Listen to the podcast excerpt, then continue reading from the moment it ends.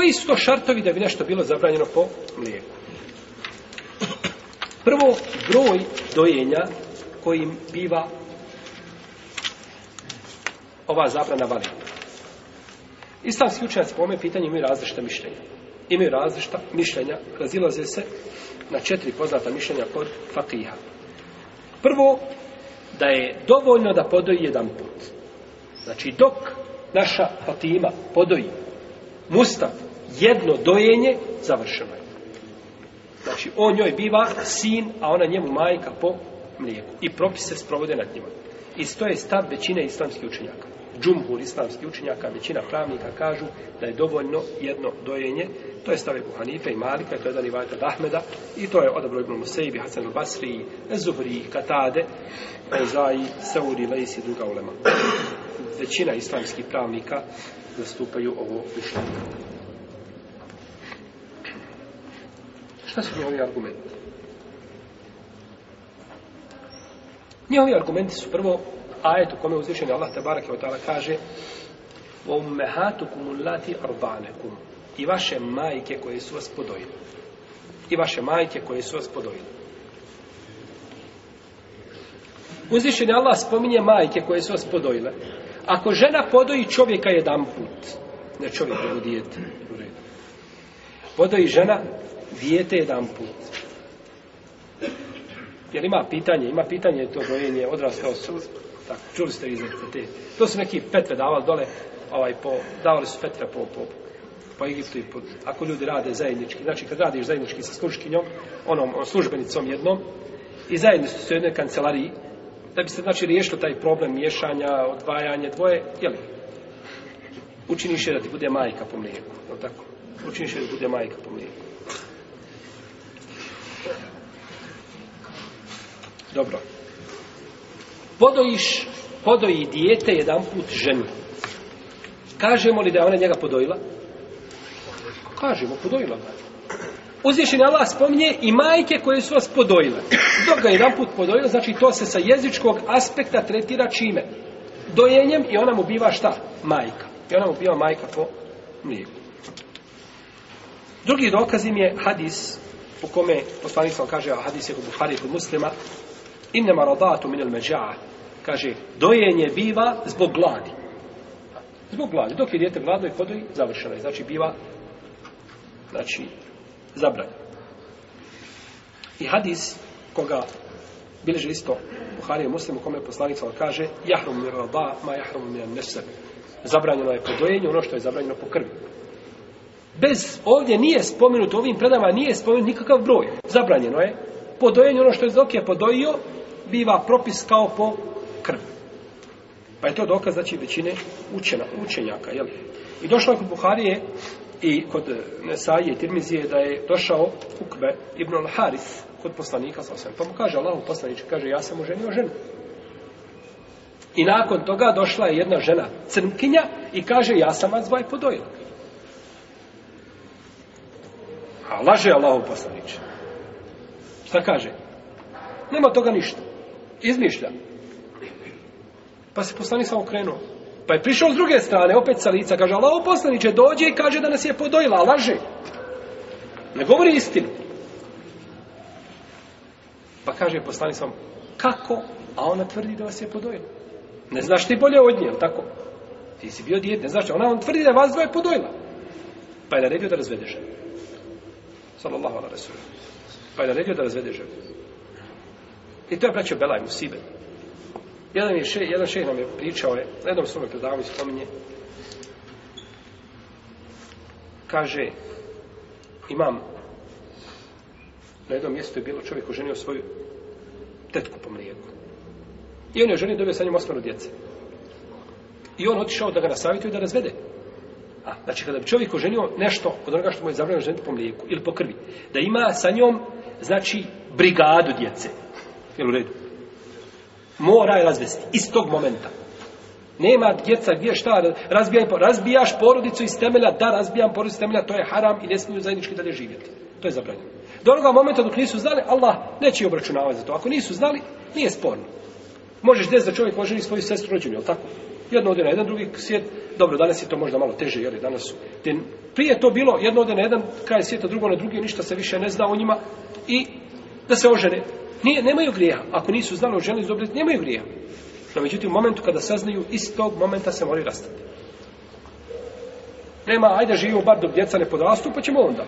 Jer ono djeca kada odrastu, svako svojim putem, mi ćemo, ne, ne, nema, iz tog momenta se moraju rastati. Pa je otišao da nas savjetuje toga čovjek, Kaže, a on njemu djecu tu doveo, kaže, pogledaj, kaže, pogledaj ovi pilića, vidi ovo, ko će to hraniti, ko će to, ko će, ko ćemo nakon toga? Kaže, ahi, ti se moraš razvesti, to je tebi haram, živiš sa svojom tetkom, to je haram.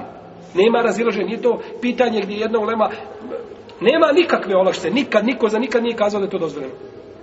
Pa dobro, kaže, nije bitno, kaže, nazvić ja kaj je šeha, on će to kaj mene upakovat, kaj on to mi dotirat, nije, kaže, nije to problem. Jedno se naučite, nazove šeha, jeli, zaplaćujemo na telefoni, ovaj, iše i se tamo rasplače i kaže, dobro, ja, ako je tako, nije Allah, bereket ila, bismillah, idi svojim putima, tako. Idi u džahennem, idi u džahennem, a ja ću za tobom, jer ću prije tebe, nije problem. Ne možeš tako igrati sa propisima. Propisi Allahove vjere su jasni. Dobro, ako ima razilaženje, može čovjek shvatiti da ponekad zbog slabosti duše čovjek uzme slabije mišljenje, opet ima razilaženje je drugačije. A tamo gdje nema, gdje su propisi jasni, znači nema tu, ovaj, nema tu poigravanja. Pa je naredio poslanik sa osam ovom čovjeku da, raz, da razvede, znači, svoju ženu.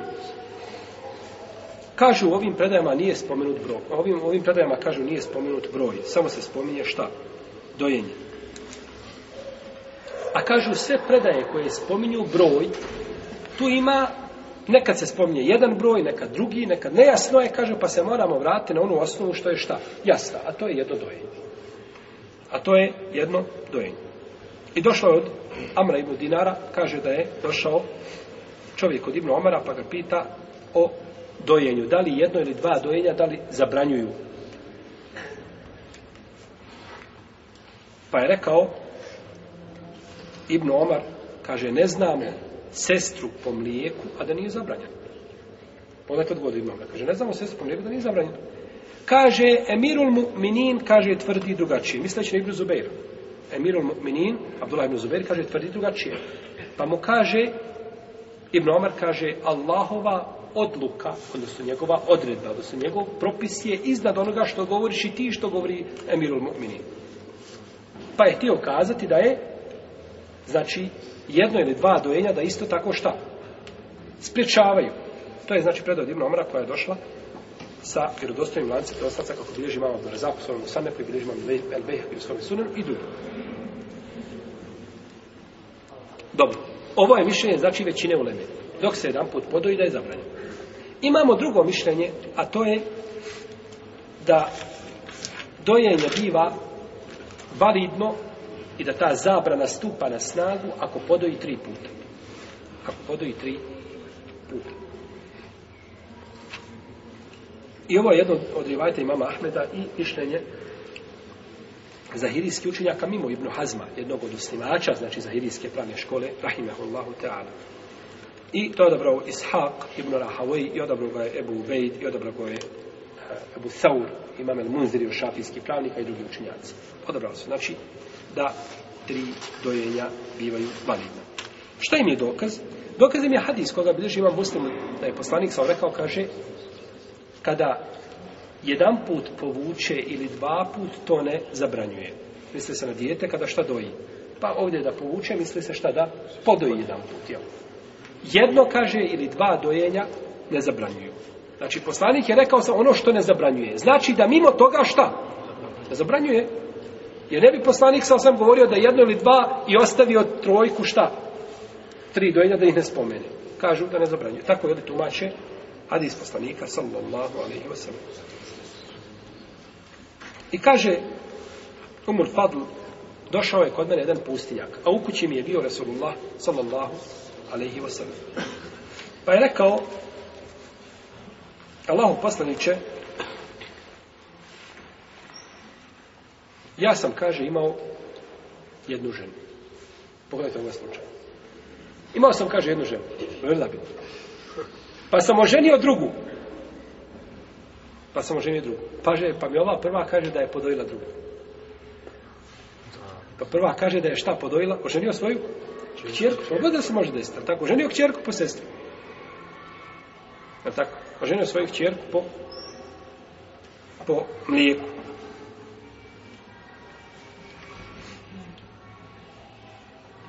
Kaže da je podojila jedan put ili dva puta. Pa kaže poslanik sa osam, jedno ili dva dojenja ne zabranjuje.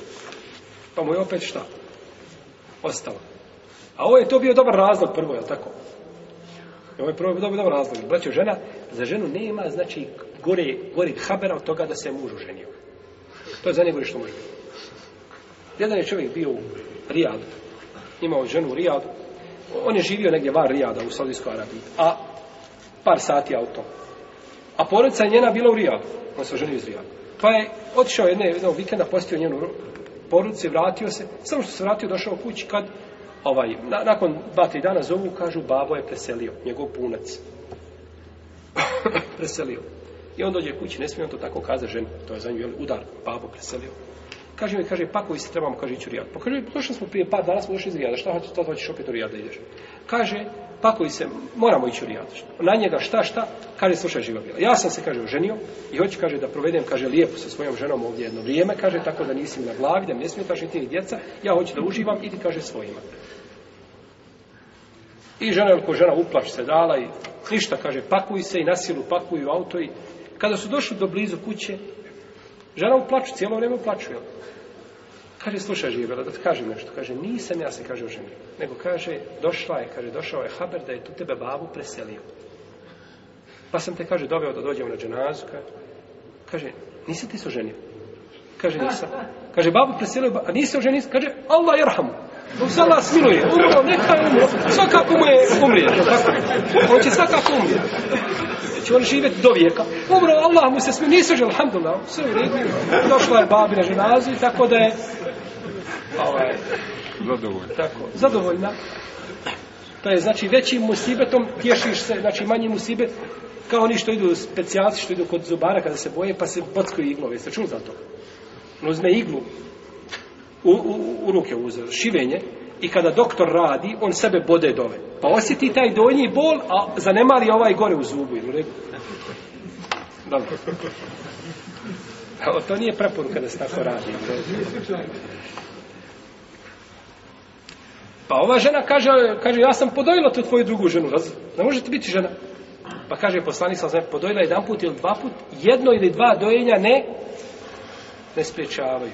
Jedno ili dva dojenja ne spriječavaju. Dobro. Imamo treće mišljenje koje kaže da tri dojenja, da tri dojenja spriječavaju, znači, i da stupa na snagu ova zabrana.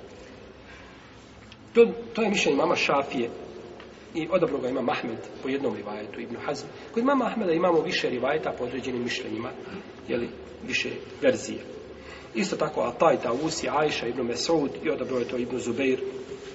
I oni to dokazuju hadisom koga bileži muslim u svome sahihu da Ajša radijallahu ta'ala neha da je kazala bilo je objavljeno u Kur'anu da deset dojenja da deset punih dojenja čine zabranjenim. Pa je tih deset punih dojenja dokinuto sa pet. Pa je umro poslanik sa osaleme, a to ljudi uče u Kur'anu.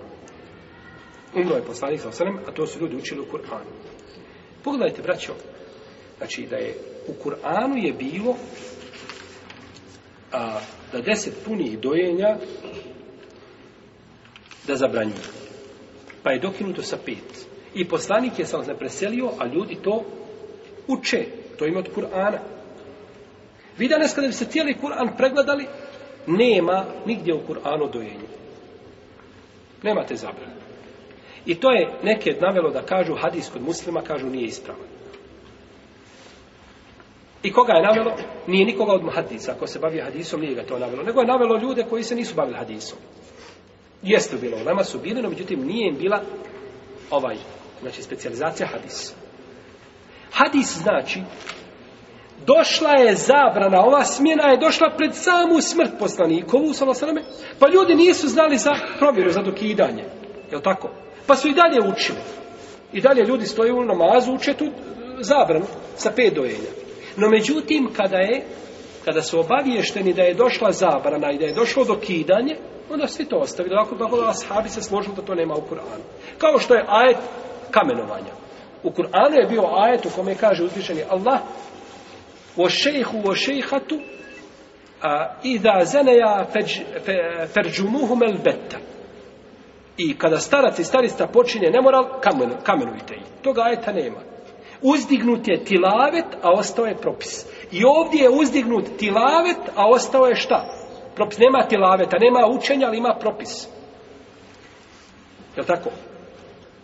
A ponekad može ostati tilaveta da nema čega. Da nema propisa. To su načini dokidanja u Koranu. Je tako? Pa ovdje imamo, dakle, da je u Kur'anu bilo deset dojenja, pa je dokinuto pet, pa je pet. Ovzvišen je Allah, ma nensah min ajeti ne unumsija ila neti bihajnin min ha, misleha. Allah, znači dokida ajete, stavlja ih van snage, dolazi sa boljima, radi, te barak je odala ono što želi. Pa je taj propis, znači, ovdje dokinut.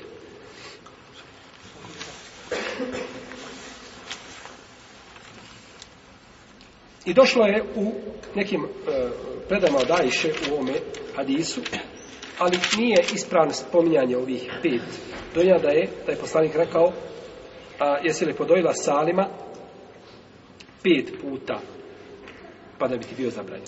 U svakom slučaju imam hadis Ajše koji kaže da je to bilo od Kur'ana. Da je to bilo od Kur'ana. Imamo četvrto mišljenje, braću, da je to deset dojenja. To se prenosio od Ajše radijallahu talanha, jer je kazala za Salima da ga pošalju ovaj Umikul Sum bint Ebi Bekr, znači kćer Ebu Bekra da ga podoji da bi bila zabranjen deset dojenja. Da bi bila zabranjen deset dojenja. Pa se razbolila, razbolila se Umikul Sum, Umikul Sum se razbolila. Da tako. Pa je nakon toga e, nije podojila, pa nije ulazio Salim kod Ajša Rotemata. Nije ulazio kod Ima isto tako hadis od Safije, ili predao Safije, Bintu Ebi Ubejd, koja je bila žena Abdullaha ibn Omara, radijallahu ta'ala anhu, da je Hafsa postala Asa Bintu Abdullaha ibn Sada kod svoje sestre Fatime da ga podoji pa ga je podojila deset dojenaka pa je ulazio kod pa je ulazio kod znači ospreda je od sahabiki od majke Bintu ispravno po ovome mišljenju je braćo da je pet dojenja to koje zabranjuje. Ono je najpreće da se prihvati. Uz poštovanje mišljenja većine islamskih pravnika, a međutim pet dojenja je najjače. Pet punih dojenja kada podoji žena dijete s tim da napusti dojku samo, znači dijete dojilo i pustilo samo, i šta obično radi posle dojenja? Spava, je li tako? Dijete pustilo je, znači samo od sebe, dovoljnom, takvih pet dojenja čine ovu zabranu, znači validno. Čine ovu zabranu, jel? Validno. Što se tiče hadisa koji govore da jedno i dva dojenja ne zabranjuju, znači li to da i tri ne zabranjuju nužno? Ne mora značiti. Jedno i dva, ne, je došao čovjek i pita, podojila jedan put i dva, kaže jedno i dva dojenja ne zabranjuju. Znači, nije, ne mora znači da tri ili četiri ili pet ne, šta? Dođu ti dvojica ljudi i kaže, pa jedan ili dva čovjeka mi nisu dovoljni. Znači to tri dovoljno ne znači, meni treba 10 ljudi da ovo završimo, tako? Ne mora znaš da je nužno da je to šta? Dovoljno, je tako? A hadis, ajet u kome se kaže da je bio u Kur'anu sa pet dojenja je, jasno, bilo je deset pa je dokinuto sa pet.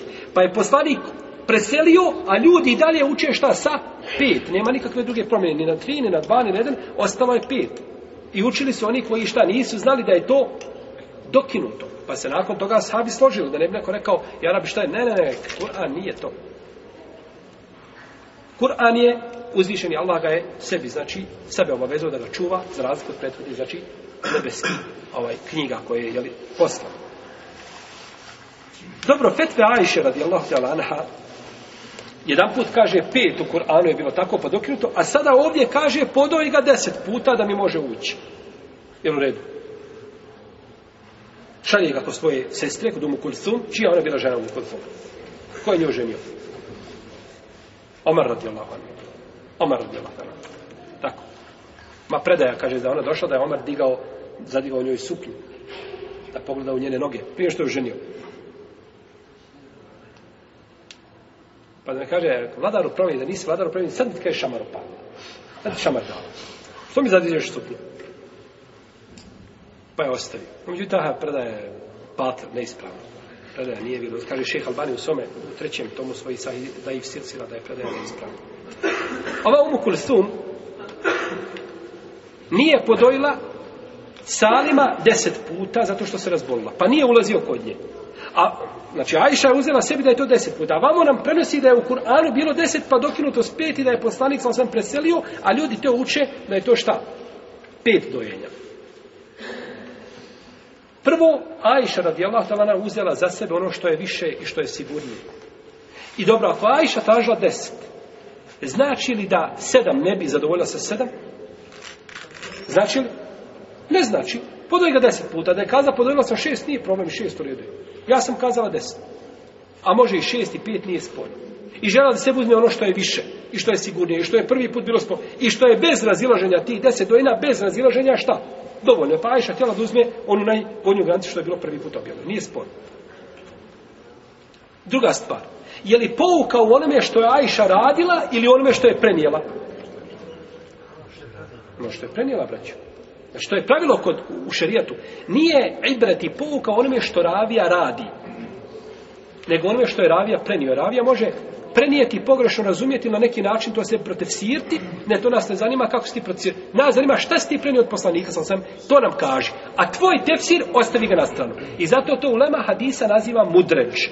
To je ubačen dio hadisa od ravije, tumačenje. Kao što se kaže na primjer u hadisu, da u ja'lemul marru bejne jede il musalli ma da alejhi lentazare erba'in. Da zna čovjek koji prolazi ispred klanjača šta je šta mu pripada, sačkao bi 40. Neki kažu šta mu pripada od grijeha. Ovo od grijeha je tum, tumačenje. Jeste, od grijeha odnosi sa grije, ali ne možeš to ubaciti u kontekst čega? Hadisa, ni slova, ni harfa. Ti prenesi ono što je poslanik rekao. A tvoje tumačenje kaže zakon toga, a ja smatram, kažem, nije problem. Jer tvoje se tumačenje lahko odvoji od Hadisa, jer ti si razumio tako, a možda hiljade drugih šta neće razumjeti na isti način. Pa i bret u onome što je Ajša prenijela, a ne u onome što je shvatila i razumjela i kako je šta postupala. A najzad kažemo, nema kontradiktornosti. Možemo to pomiriti da kažemo da Ajša uzela sebi više i sigurnije, što ne znači da se ne bi zadovoljila šta sa manjim brojem. Tako da, u tome nema nikakvih, jeli, nema kontradiktornosti.